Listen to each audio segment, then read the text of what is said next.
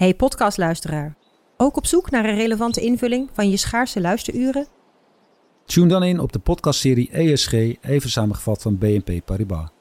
Wij, Marloes en Aldert, spreken daar duurzame voorlopers en wereldverbeteraars. Waarover dan? Nou, bijvoorbeeld of we ooit duurzaam kunnen gaan vliegen. En waarom koeien in de stad nou een goed idee is? Dat en meer elke twee weken in een nieuwe aflevering. Dus abonneer je. ESG, even samengevat.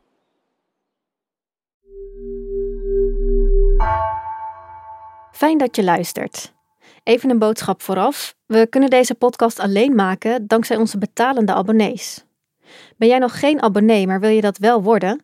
Ga dan naar nrc.nl/slash geheim en kies een abonnement dat bij jou past.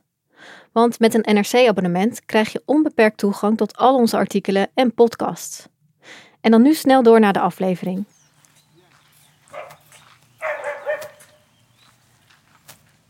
Goedemorgen. Fijn dat we even langs konden komen. Ik zal meteen even uitleggen waarvoor het komt. Een beetje gek misschien. Ik ben een podcast aan het maken voor de krant. En NRC in Nederland. Oh, NRC in Ja. Nederland. En de aanleiding is een aanslag in Rijswijk, waarvoor u volgens mij ooit heeft eh, vastgezeten. En ik vroeg me af of u daarover iets zou willen vertellen hoe dat destijds gegaan is. Nou, ik denk dat ik eh, dat het niet goed is om het te doen.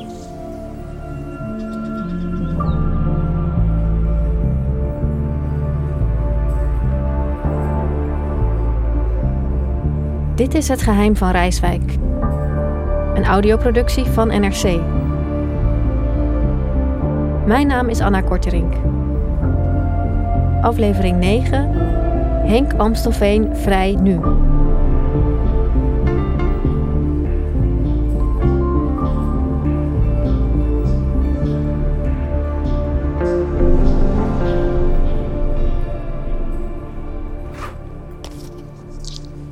Praat ik te hard? Staat hij te hard? Mirjam en ik zijn nog steeds in Paramaribo, waar we nog twee mensen willen spreken. Zo is beter. Mogelijk medeplichtige Henk Amstelveen en mogelijke schutter Bert O. Deze doet het ook. Van deze Bert O vond ik op internet een adres en ik wil hem vandaag eerst een bezoek brengen. Iets Ja. Ja, dat ik hem niet hier, want ik zat natuurlijk een beetje zo. Maar ik ben nerveus. Stel dat onze informatie klopt, dan sta ik zo meteen oog in oog met een huurmoordenaar. Deze Bert O, die ik, nu ik hem gevonden heb, bij zijn achternaam kan noemen, O'Brien, is namelijk door diverse getuigen aan de politie genoemd als de schutter van de aanslag in Rijswijk. Ik weet niet of hij dat weet. Ja, Zeg maar, dit lusjes mag, maar als je dit... als hij echt dubbel gaat. Oké. Oké. Ik ben zenuwachtig. Ik ben echt heel nerveus nu. Het. Bert O'Brien heeft een bar in Paramaribo. En gisteren zijn Mirjam en ik er al langs gereden. Het is geen prettige buurt, zagen we toen al. Niemand weet wat we komen doen.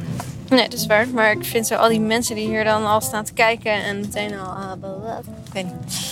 Goed, ziet mij niet uit. Maar die moet je vergeten. Ja. Daar moet je niet mee bezig Nee, dat is zo. Oké, we kunnen het. We gaan het gewoon doen.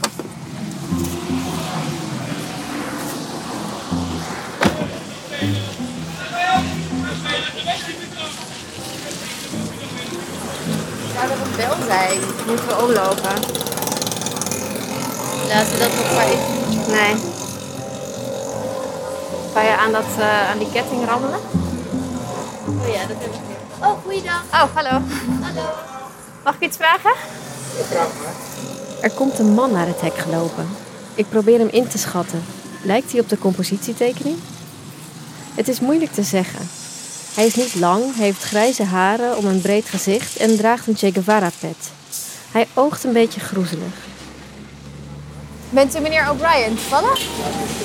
Het is hem. Wijzend op het microfoontje op mijn t-shirt val ik met de deur in huis. Ik heb een vraag aan u.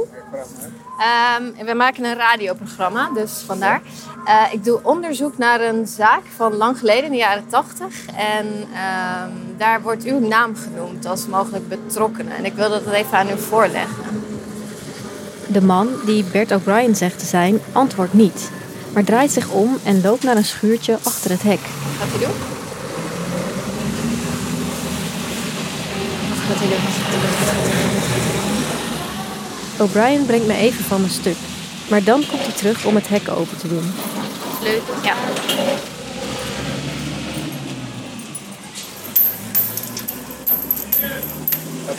Ja, dank u wel. Dank u wel. Kom maar even binnen. O'Brien wijst ons twee plastic stoelen en pakt er ook een voor zichzelf. Wat we komen doen, vraagt hij. Nou, wat ik zei, ehm, dus we doen onderzoek naar een, eh, een zaak die speelde in Nederland in 1985. En uw naam komt daarin naar voren en dat wilde ik even. Ja, Kom, mijn naam komt veel voor in Nederland. is dat zo? Mijn naam wordt altijd in bepaalde dingen bij, bij betrokken en dergelijke. Dus vraag maar, ik luister. Ja. Eh, dit gaat over een aanslag die is gepleegd in Rijswijk in 1985. Daar weet ik niet van. Nee? Ehm, dat had te maken met de Bevrijdingsraad voor Suriname. Die zou op een adres in Rijswijk zitten en eh, er is ooit een aanslag gepleegd, maar daar zijn toen andere mensen bij, eh bij Ik heb wel van die dingen. Voor mij zijn we daar uh, nooit verdiept en dergelijke dingen. Oké. Dus u kent het verhaal op zich wel. Ja, een beetje. Ik, ik, ik heb me nooit verdiept in en dergelijke dingen. Oké. Ik merk meteen dat dit geen makkelijk gesprek gaat worden. O'Brien is al moeilijk verstaanbaar en als hij antwoord geeft op een vraag, draait hij zijn hoofd weg. En nog voordat ik precies heb gezegd over welke zaak het gaat, geeft hij al aan dat hij er niks van weet. Maar als ik details noem, kent hij de zaak wel en zegt hij er niks mee te maken te hebben. Want er zijn verschillende getuigen die, ze, die uw naam noemen als een van de mogelijke schutters bij die aanslag. In alles wordt mijn naam, werd mijn naam daar genoemd. Weet je wel. En waarom denkt u dat mensen uw naam dan noemen in die zaak? Ik denk dat je een beetje heb verstaan. In alles wordt, werd mijn naam voor. Oké. Lees opbreng dit, opbreng dat en dergelijke dingen. Oké. En is er Kijk, ooit... in deze laatste me nodig hadden, hadden ze me eens lang laten roepen. Weet je wel? En dergelijke. Dus ik, ik laat me niet in en dergelijke dingen. Maar dat is goed om van uzelf te horen. In alles werd mijn naam genoemd, zegt O'Brien. Dus dat hij ook genoemd werd in de Rijswijkse moorden lijkt voor hem geen verrassing te zijn. Ik vraag me af hoe ver ik door kan vragen, want behalve de elf getuigen die zijn naam noemen, weet ik ook niet meer. En hoe graag ik ook wil weten wat er nou is gebeurd, ik heb geen details om te checken of zijn verhaal klopt. Maar mijn angst ben ik kwijt. En dus vraag ik verder naar de andere man die door getuigen genoemd werd als schutter, Paul P., die niet meer leeft en wiens naam ik daar dan ook niet noem. Kende O'Brien deze Paul P? Ja, luister nou. Heel mooie vraag. Luister nou. Wolf was geen lievertje. Nee? Helemaal niet. En omdat het mijn vriend was, wordt mij dingen bij betrokken met politie. Oké. Begrijp je? Ja. En bij bankoverval en dergelijke dingen. Weet je wel, ik ben mij niet dingen. Wat van jou is van jou. Ja. Ik heb niemand dingen genomen daar en dergelijke dingen. Wolf was geen lievertje. En gelukkig dat ik hem hele- helemaal op tijd Los had gelaten. Ai.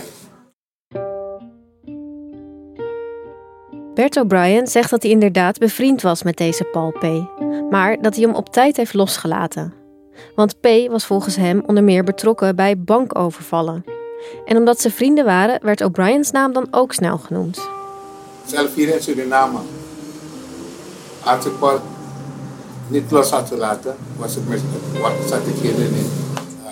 En weet u of hij iets te maken had met die aanslag in Rijswijk? Dat, ik weet het niet zeker, want dat heb ik ook veel gehoord. Ja. En zou het kunnen? Zou, zou hij iemand zijn geweest die dat dan gedaan zou kunnen hebben? Ze hebben, ze hebben, ze hebben dit gedaan. Ook hier heeft hij ook maar heel wat dingen gedaan. Ja. En waarom zou hij dat? Hij is naar hij was een junkie ook. ja. Puur voor geld. En wie zou hij dan betaald hebben, denkt u? Maar dat weet ik niet. Nee. Paul P. was geen lievertje, zegt O'Brien, maar hij bemoeide zich er verder niet mee. Ook verdere vragen die ik stel over P. leveren niks op. En dus vraag ik of hij Henk Amstelveen kent. Dat is de man die hoofdverdachte is geweest in deze zaak en die de schutters zou hebben aangestuurd. Kent u Henk Amstelveen toevallig? Of? Ik ken hem wel. Ja, Amstelveen. Hij, hij, hij, is, hij, hij, is ook hier. Ja. Bert O'Brien kent Henk Amstelveen. Hij is ook hier, zegt hij, terwijl hij wijst in de richting van de stichting waar ik later vandaag naartoe wil. En hij weet dat Amstelveen in de psychiatrie werkt. Maar meer krijg ik niet te horen. En dus probeer ik het gesprek weer richting hemzelf te sturen. Want er zijn getuigen die zeggen dat hij na de aanslag naar Suriname is gevlucht. En wanneer bent u dan weer teruggekomen naar Suriname? 85, 86, Ja. zo. Oké. Want er is ook een getuige die zegt dat u eh, bij terugkeer in Suriname veel geld gekregen zou hebben. Wie- Maar nou. Hoe kom jij bijvoorbeeld om dergelijke dingen te doen? Zo, om dergelijke dingen te vragen. Ja, ik ben met, met dat onderzoek bezig en daarin kwamen we dus uw naam tegen. En ik dacht, dan moet ik het aan meneer O'Brien zelf vragen. Wat, waarom zijn naam genoemd wordt en wat hij daarvan weet. En is er ooit, door de politie, zijn er ooit vragen aan u gesteld of helemaal nooit over Nee, nooit, Rijswijk? nooit. Je Nee. bent de eer- je bent de eerste. In de eerste, ja. Dat is lang hè, lang geleden ook. Ja, ja. de- En hier in Suriname? Ik weet, eer ook niet. Nee. En bent u daarom terug Nee, naar natuurlijk Suriname? niet. Hey, Oké. sorry toch, weet man. Niemand heeft mooi iets. Nee. Nee. Dat is duidelijk. Ik ben in 36 jaar de eerste die Bert O'Brien vragen kon stellen over zijn betrokkenheid bij een drievoudige moord. De man waar elf getuigen naar hebben gewezen, is door de politie nooit ondervraagd. Maar luister nou. Denk je soms dat de mensen van jou daar in Holland wisten dat ik dat, wat ze mij niet terecht laten komen vragen? Ja, dat is een goede vraag. Denk je soms dat als die Hollanders van mij wisten, dat ze me dit niet al lang waren komen vragen, zegt O'Brien. En daar zegt hij wat. Ik weet dat er in 1985 geen rechtshulpverzoeken gedaan konden worden tussen Nederland en Suriname. En dat een onderzoek in Paramaribo in die tijd niet te doen was. Maar ook nadat de relatie hersteld werd, is niemand deze man komen zoeken. En zo moeilijk is hij niet te vinden. Er is dus nooit goed uitgezocht of hij er iets mee te maken had. En zolang ik alleen de gevonden politiedocumenten heb die wijzen in de richting van deze man, kan ik ook niet meer vragen stellen. Ik denk dat je niet alles hebt gevraagd. De wereld staat altijd. Ja, bedankt. En dus nemen Mirjam en ik afscheid van Bert O'Brien. Oké, Oké dan. wie weet eh, spreken we elkaar nog.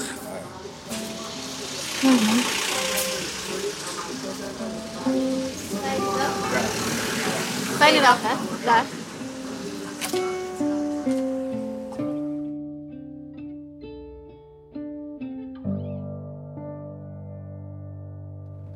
Sla linksaf naar de Arabistraat. Nog diezelfde dag rijden Mirjam en ik van de bar van O'Brien naar een straat in de buurt. Oké. Daar is de laatste persoon die we nog willen spreken in Suriname, Henk Amstelveen. Over 200 meter sla rechtsaf naar We weten dus dat hij hier in Paramaribo een stichting heeft die dak- en thuislozen opvangt en hebben hem eerder vandaag gebeld. En zonder dat hij weet wat we van hem willen, mogen we bij hem langskomen. Sla rechtsaf naar de Blad-Weststraat en je arriveert op je bestemming. Fijne plek, hoor.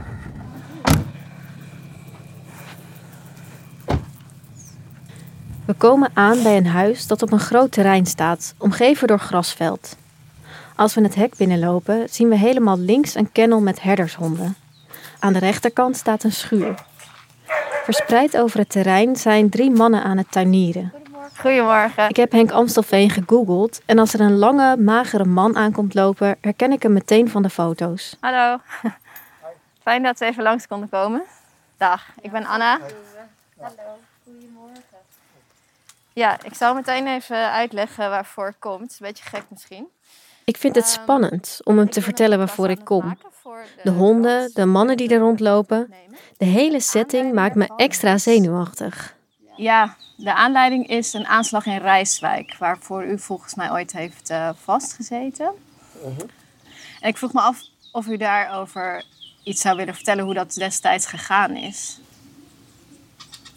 En dus zeg ik maar gewoon meteen waarvoor ik kom. En zodra ik over Rijswijk begin, verandert Henk Amstelveens houding meteen. Hij lijkt enorm te schrikken. Nou, ik denk dat ik. eh, dat het niet goed is om het te doen. Nee? Nee, het is niet goed voor de nabestaanden, het is niet goed voor mij, het is niet goed voor niemand. Oké. Het is. eh,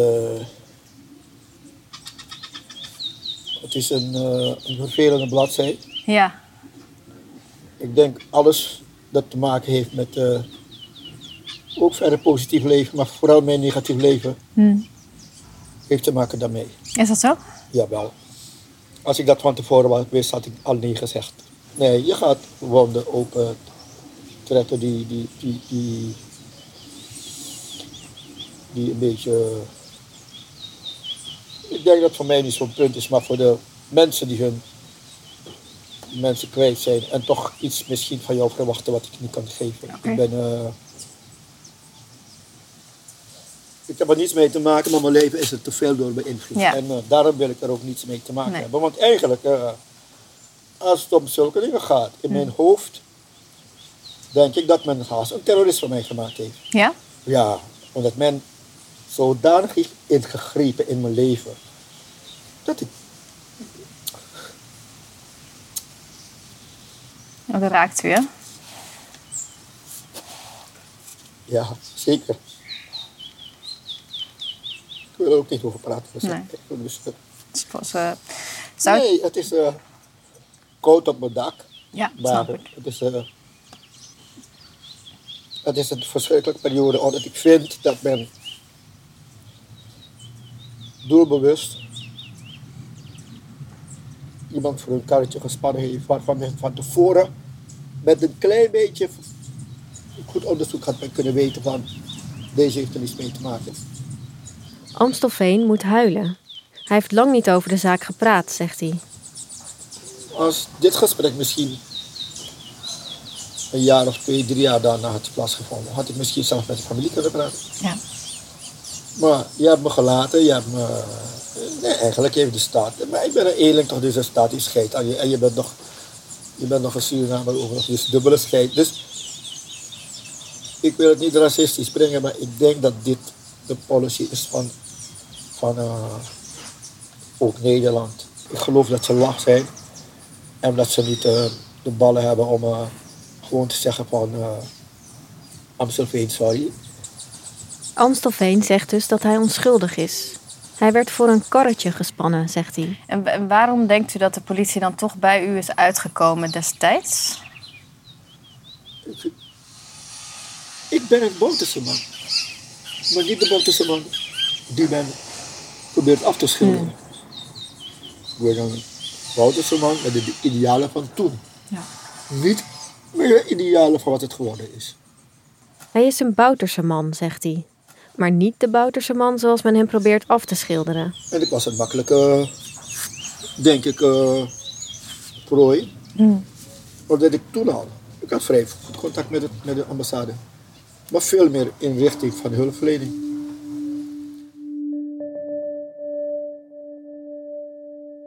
Henk Amstelveen woonde al jaren in Nederland toen hij werd opgepakt, vertelt hij. Hij had een vrouw, een zoontje van drie maanden oud en werkte als verpleegkundige in de psychiatrie. Ook zegt hij Bert O'Brien te kennen. Maar van Paul P. zegt hij nog nooit te hebben gehoord. En hij had veel contacten op de Surinaamse ambassade. Ja, ik had veel contact met de ambassade. Vrienden van me waren op de ambassade. Ik ging ook vrij veel na naartoe. Maar als men even keek, zou men zien waarmee ik bezig was. Men zou dat gewoon doorhebben. Want de politie die legde dan wel dus duidelijk de link met de ambassade en die aanslag. Ja, anders, anders kan je mij niet. Nee, Dat daarom. denk ik, ik denk dat is de enige. Het enige wat, wat, wat speelt. Want op het moment dat het, dacht ik, gebeurde, moest ik, dacht ik zelf met de politie bezig zijn geweest te Brienenoord om iemand van eh, de brug af te praten. Dus daarom zeg ik van, men wist, als je dat moment aanhoudt, kan het niet. Volgens Henk Amstelveen wist de politie vanaf het begin al dat hij niet een van de schutters kon zijn geweest. Maar in de politiedocumenten die ik heb gevonden staat wel dat er in zijn huis wapens zijn gevonden. Ik leg het hem voor. Klopt het dat er bij een huiszoeking ook wel wapens gevonden waren bij u? Nee? Geen enkel Bewijs. Nee, mag je enkele wapen. Wapen. Als het er was, dan zal ik gewoon zeggen, ik ga een wapen voor zelfbescherming of zoiets, geen enkel wapen. Geen Oké. enkel wapen. Men sprak over een, als een slagpen of zoiets. Dus waar je, nee. Nee. Wat ze bij mij gevonden hebben zijn boeken over hulpverlening, over dingen, ook over Suriname. Maar Hij had geen wapens, zegt Amstelveen dus. Maar hoe zit het dan met zijn connectie met de Liga van Surinaamse Patriotten, vraag ik hem. De pro-Bouterse beweging in Nederland. Die beweging was opgericht door Ludwig van Milier met als doel de bevrijdingsraad te intimideren. En in de rapporten las ik dat het feit dat hij daar iets mee te maken had ook als verdacht werd gezien. de Liga was de politieke arm Ja. met familie. Ik heb ook daar een vergadering. We waren het vertolking van wat er hier gebeurde, politiek. Ja. Van eh, los van de juk van Nederland. Dus, dus dat sprak mij aan. Dus ik was niet in de Liga. Maar die heeft het opgepakt. Maar Amstelveen zegt dat hij, ondanks dat hij wel eens naar een van hun vergaderingen ging, weinig met ze te maken had. Ik, de Liga van Surinaamse Patriotten. Ik dacht eerder als je. Ik wijs geen vinger, maar. Ik denk eerder dat je misschien daar iemand zou arresteren dat je bij mij komt. Waarom heeft mijn familie niet opgepakt? Waarom heeft mijn familie niet opgepakt? Die was voor mij het voorbeeld van eh, het contact met Suriname. Liga van Surinaamse Patriotten had een militaire arm. Familie was een politieke man. En de andere jongens die waren veel meer droeg op militaire kleding. Dus, maar waarom heb je niemand van dat opgepakt? En, en terwijl ik nog niet bezig hield met die, met die groep of zo, dus ik, had, ik kende Amstelveen is moeilijk te verstaan. En vanwege de emotie in het gesprek durf ik niet dichterbij te gaan zitten. Maar dit is wat hij zegt. Hij had geen wapens in huis. En als ze de Liga van Surinaamse Patriotten verdacht vonden, hadden ze beter Liga-oprichter Ludwig van kunnen aanhouden. Deze Ludwig van heb ik natuurlijk gesproken. In aflevering 5 was dat. In die aflevering zegt hij dat de Liga niets met de aanslag in Rijswijk te maken had. En hoewel de politie de Liga verdacht vond, is Van zelf door hen nooit als verdachte aangemerkt. Want de politie verdacht Henk Amstelveen. En dat komt, zo zegt Amstelveen zelf, door zijn contacten op de ambassade. de ambassade was de bron van het contact om Nederland ook onder druk te zetten. Dus het is niet eens vreemd dat je in de lijn wordt gebracht. Als je bij de ambassade omging, was je direct in lijn met wat hier gebeurde, ook al was het niet waar. Maar dat je naam genoemd wordt in de gemeenschap, dat kan niet in de kleine gemeenschap. En zou wel de aanleiding misschien gegeven hebben. Dus ik heb geen moeite met de arrestatie op zich of met de verdachtmaking. Wanneer blijkt dat je fout zit, geef dat ook toe.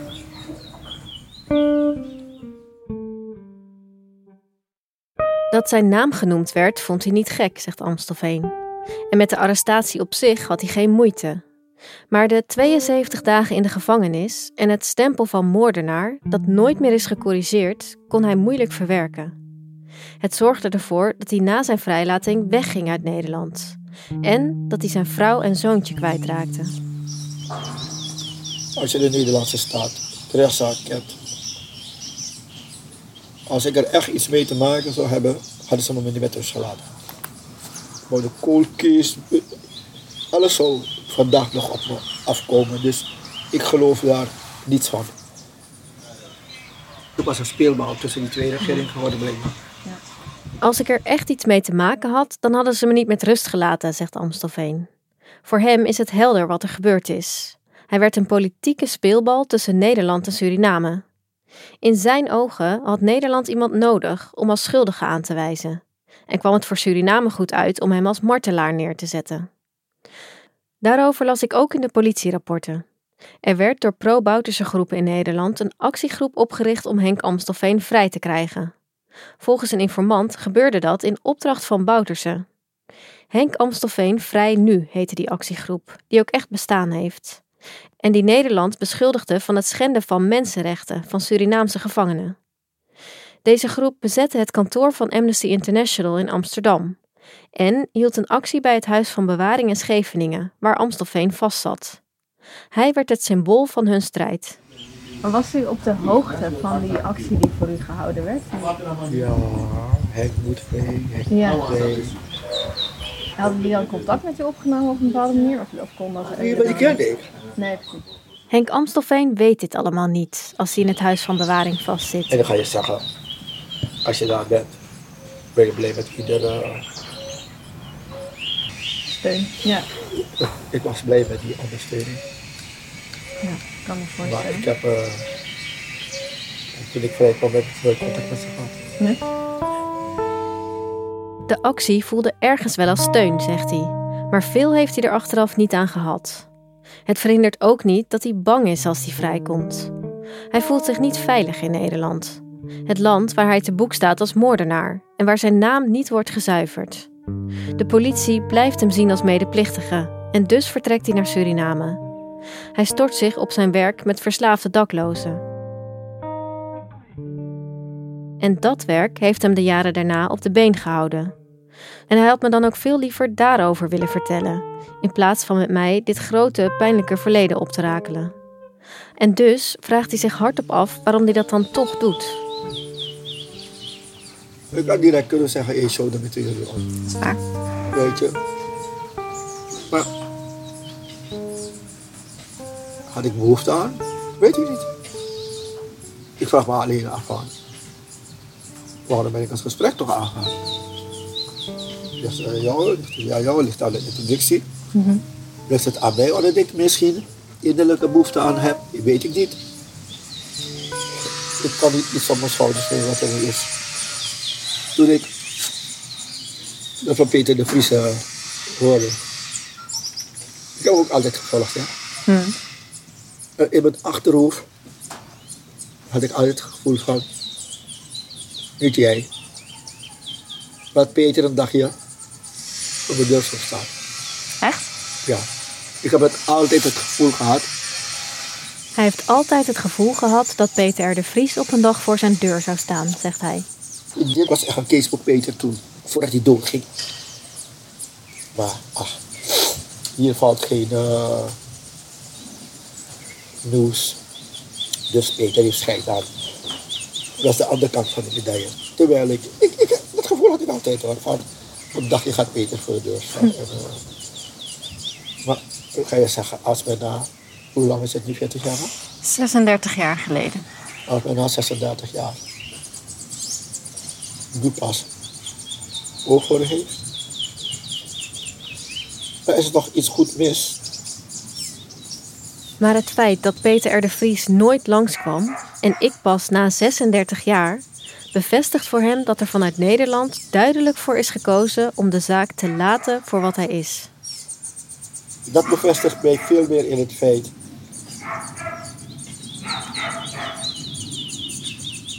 dat men weet waar men van afgebleven is. Ja. Dus dat, daar ben ik bijna heilig van overtuigd dat de criminele dienst daar meer om handen heeft gehad dan mij persoon. Dat ze dat gelaten hebben om politiek. Als land neemt het besluit om. Die praten we eerste 40 jaar niet over. Dus als ik niet over praat, dan is het, eh, Is het er niet? dan is het er niet.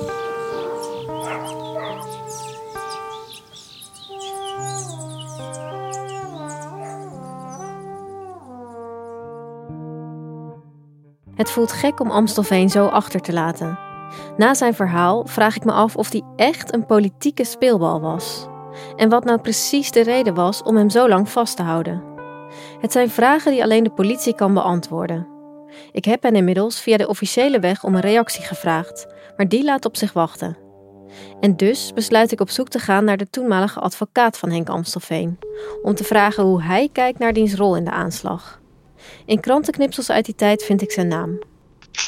Vos. Goedemiddag, u spreekt met Anna Korterink. Ik ben journalist bij NRC. Stoor ik? Nee, Oké, dat is fijn.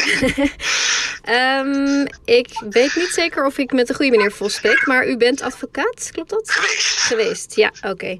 Eh, ik bel u voor een podcast waar ik mee bezig ben. En ik neem dit gesprek ook op eh, daarvoor, dan weet u dat.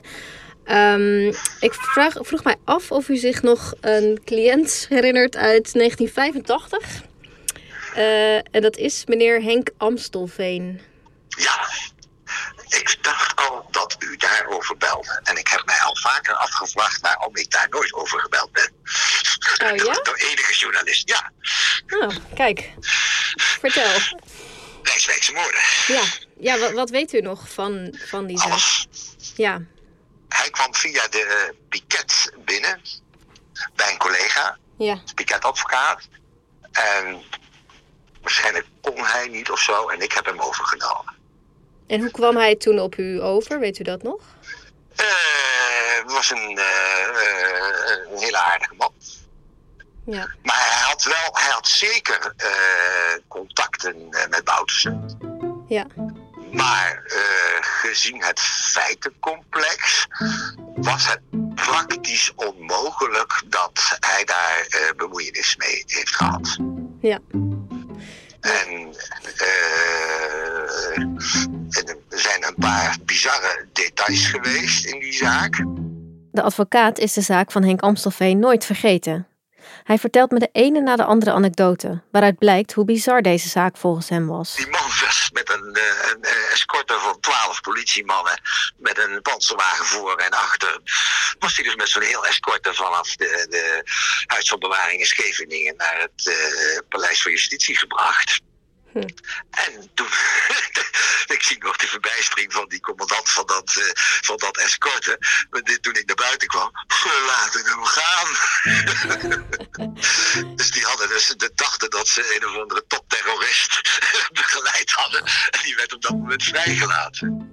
Wat, eh, wat zich ook nog heeft voorgedaan na zijn eh, vrijlating, is dat er voor zijn huis een auto is geëxplodeerd.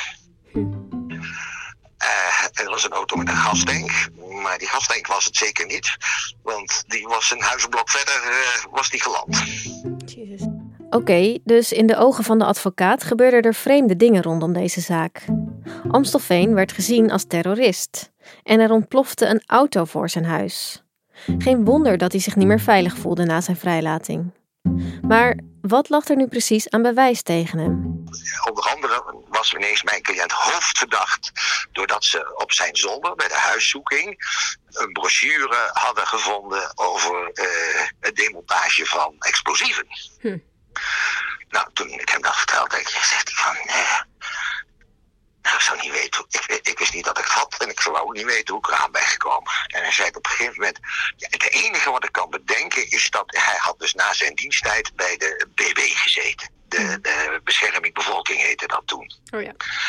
En zei, dat zou wel eens een pagina uit een of ander handboek van de BB kunnen zijn geweest. Want in het politiedossier staat ook dat ze bij hem wapens hebben gevonden. Dat is niet waar. Dat is toch gek? Dat is niet waar. Ja, Dus dat- eh, daar weet ik niks van. En dat zou ik zeker geweten hebben. En Ja. ook zeker nog kunnen herinneren. Nee. Nee.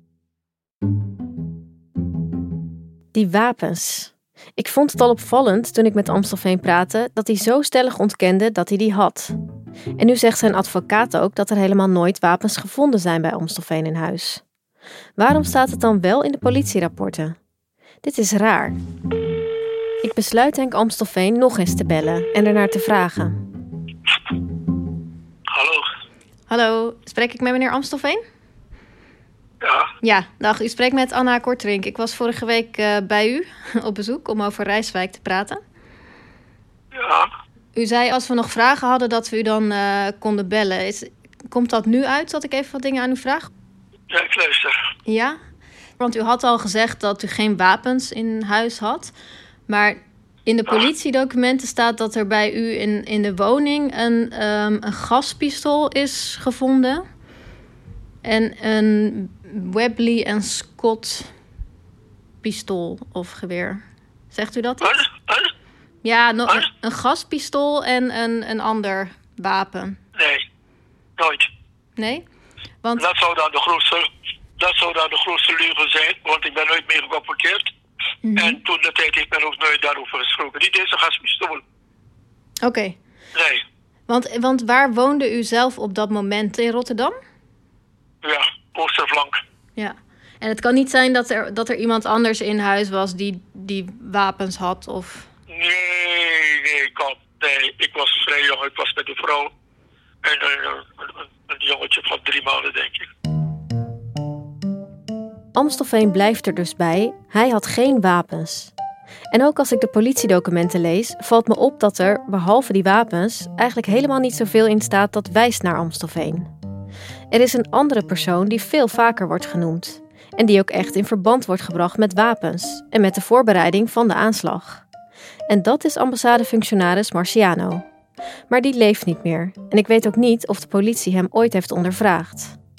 Wat ik wel weet uit de politiedocumenten is dat Marciano kort voor de aanslag zijn diplomatieke status wilde laten verhogen, zodat hij onschendbaar zou zijn. Zou dat de reden zijn geweest dat de politie hem verder niet heeft onderzocht en dat ze daarom bij Henk Amstelveen zijn uitgekomen? Hoe het precies zit met de bewijzen tegen Henk Amstelveen wordt me niet duidelijk. Niet zolang de politiedocumenten het enige zijn waar ik me aan vast kan houden. In ieder geval vindt ook Henk Amstelveen dat Nederland te weinig gedaan heeft om deze zaak goed op te lossen. Maar wat deed Nederland dan in die tijd?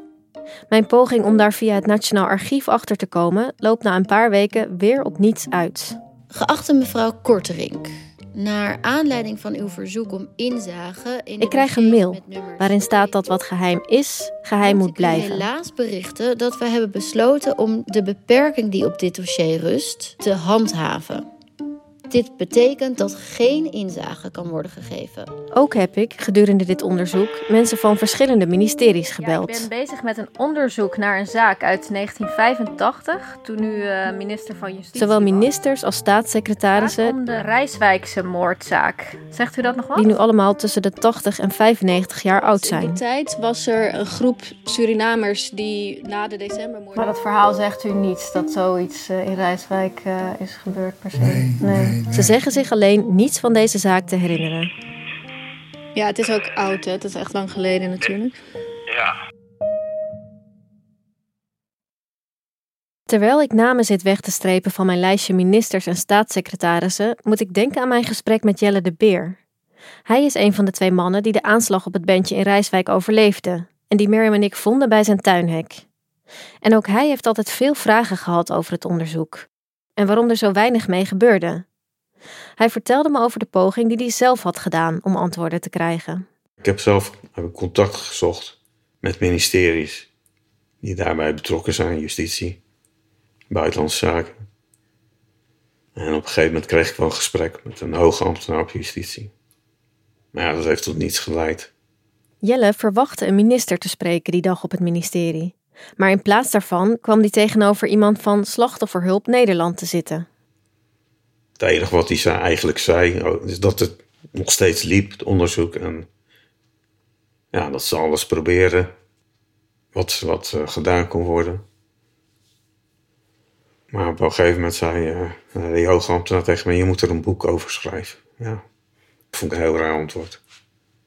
Op al mijn vragen. Wie was dit? En waarom werd een overlevende van een gruwelijke aanslag afgescheept met zulk advies?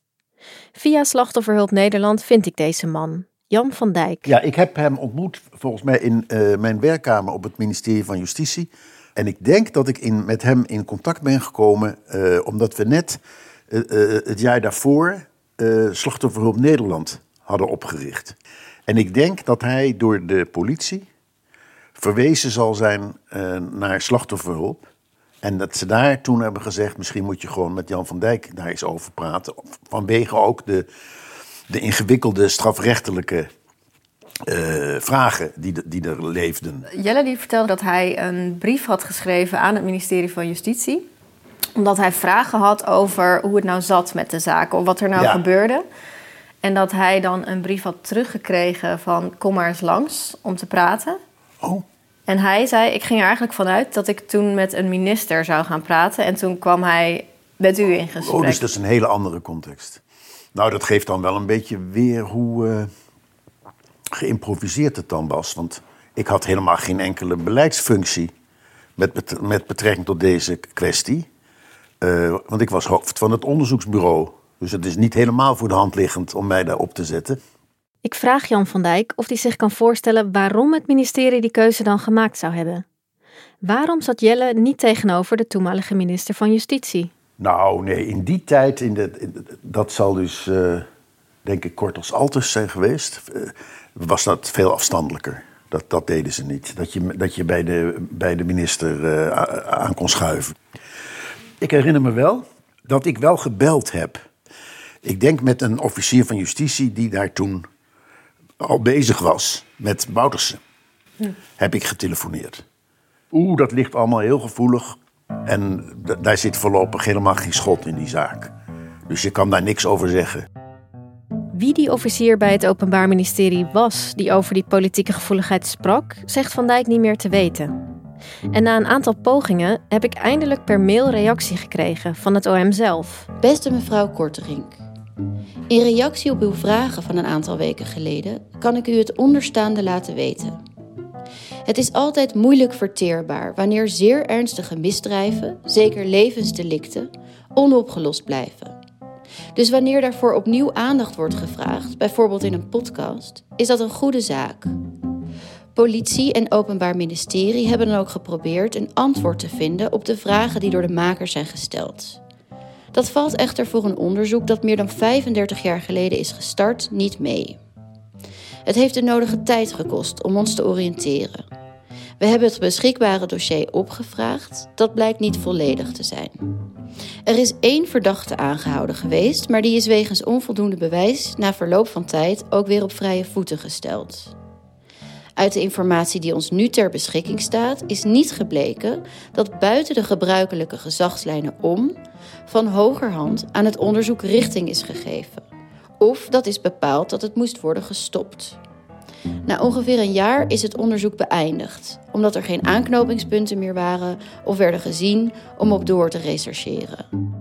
Ze hebben dus geprobeerd antwoorden te formuleren op onze vragen. Maar kwamen niet veel verder dan dat het onderzoek normaal is verlopen en tot niets heeft geleid. Verder kan ik me dat niet, niet, niet veel anders herinneren dan dat we daar gewoon wat, wat rustig... Ja, dat ik naar ze geluisterd heb. En, ze, en maar niks voor ze kon doen wat betreft de, de zaak. Het feit dat ik met hem ging praten gaf eigenlijk alweer dat het ministerie helemaal niet, niet, niet van zins was om hem iets te vertellen over die opsporingsonderzoeken. Want dan hadden ze mij niet moeten vragen. Dus, maar ze hadden ook niks. Want ik heb, er, ik heb een gesprek gevoerd echt met degene bij het OM die daar wel over ging. En die kende ik ook. En die heeft mij wel gewoon eerlijk gezegd hoe het zat. Dus ik geloof niet dat er een, op dat ministerie eh, een, een, eh, nou ja, een complotje was of zo om die man eh, met een kluitje in het riet te sturen. Er was ook niks. En er, was- is ook, er is nog steeds niks eigenlijk. Dus ja, dat was het dus toen ook niet. Nee. Of ze 100%, dat heb ik nou ook nog, ik heb nu even over zitten reflecteren, of ze nou echt alles uit de kast getrokken hebben, dat, dat, dat, daar kan je een vraagteken bij zetten. Want het lag natuurlijk politiek heel gevoelig. En dat, dat, ja, dat, dan krijgen ze toch instructies van wat ze wel en niet kunnen doen. Dus of het onderste uit de kan eh, gehaald is, dat, weet, dat zou ik niet durven beweren. Vanwege die politieke context. Is het onderste uit de kan gehaald? Heeft Nederland er alles aan gedaan om deze zaak op te lossen? Niemand die ik tot nu toe gesproken heb is daarvan overtuigd. Nederland heeft het gelaten, zei Henk Amstelveen. En ook nu is er niemand vanuit politieke hoek die mij duidelijkheid kan geven over waarom er zoveel is blijven liggen. Is dit dan het einde van het verhaal? Of is er op dit moment, bijna 40 jaar na de aanslag, toch nog iets mogelijk?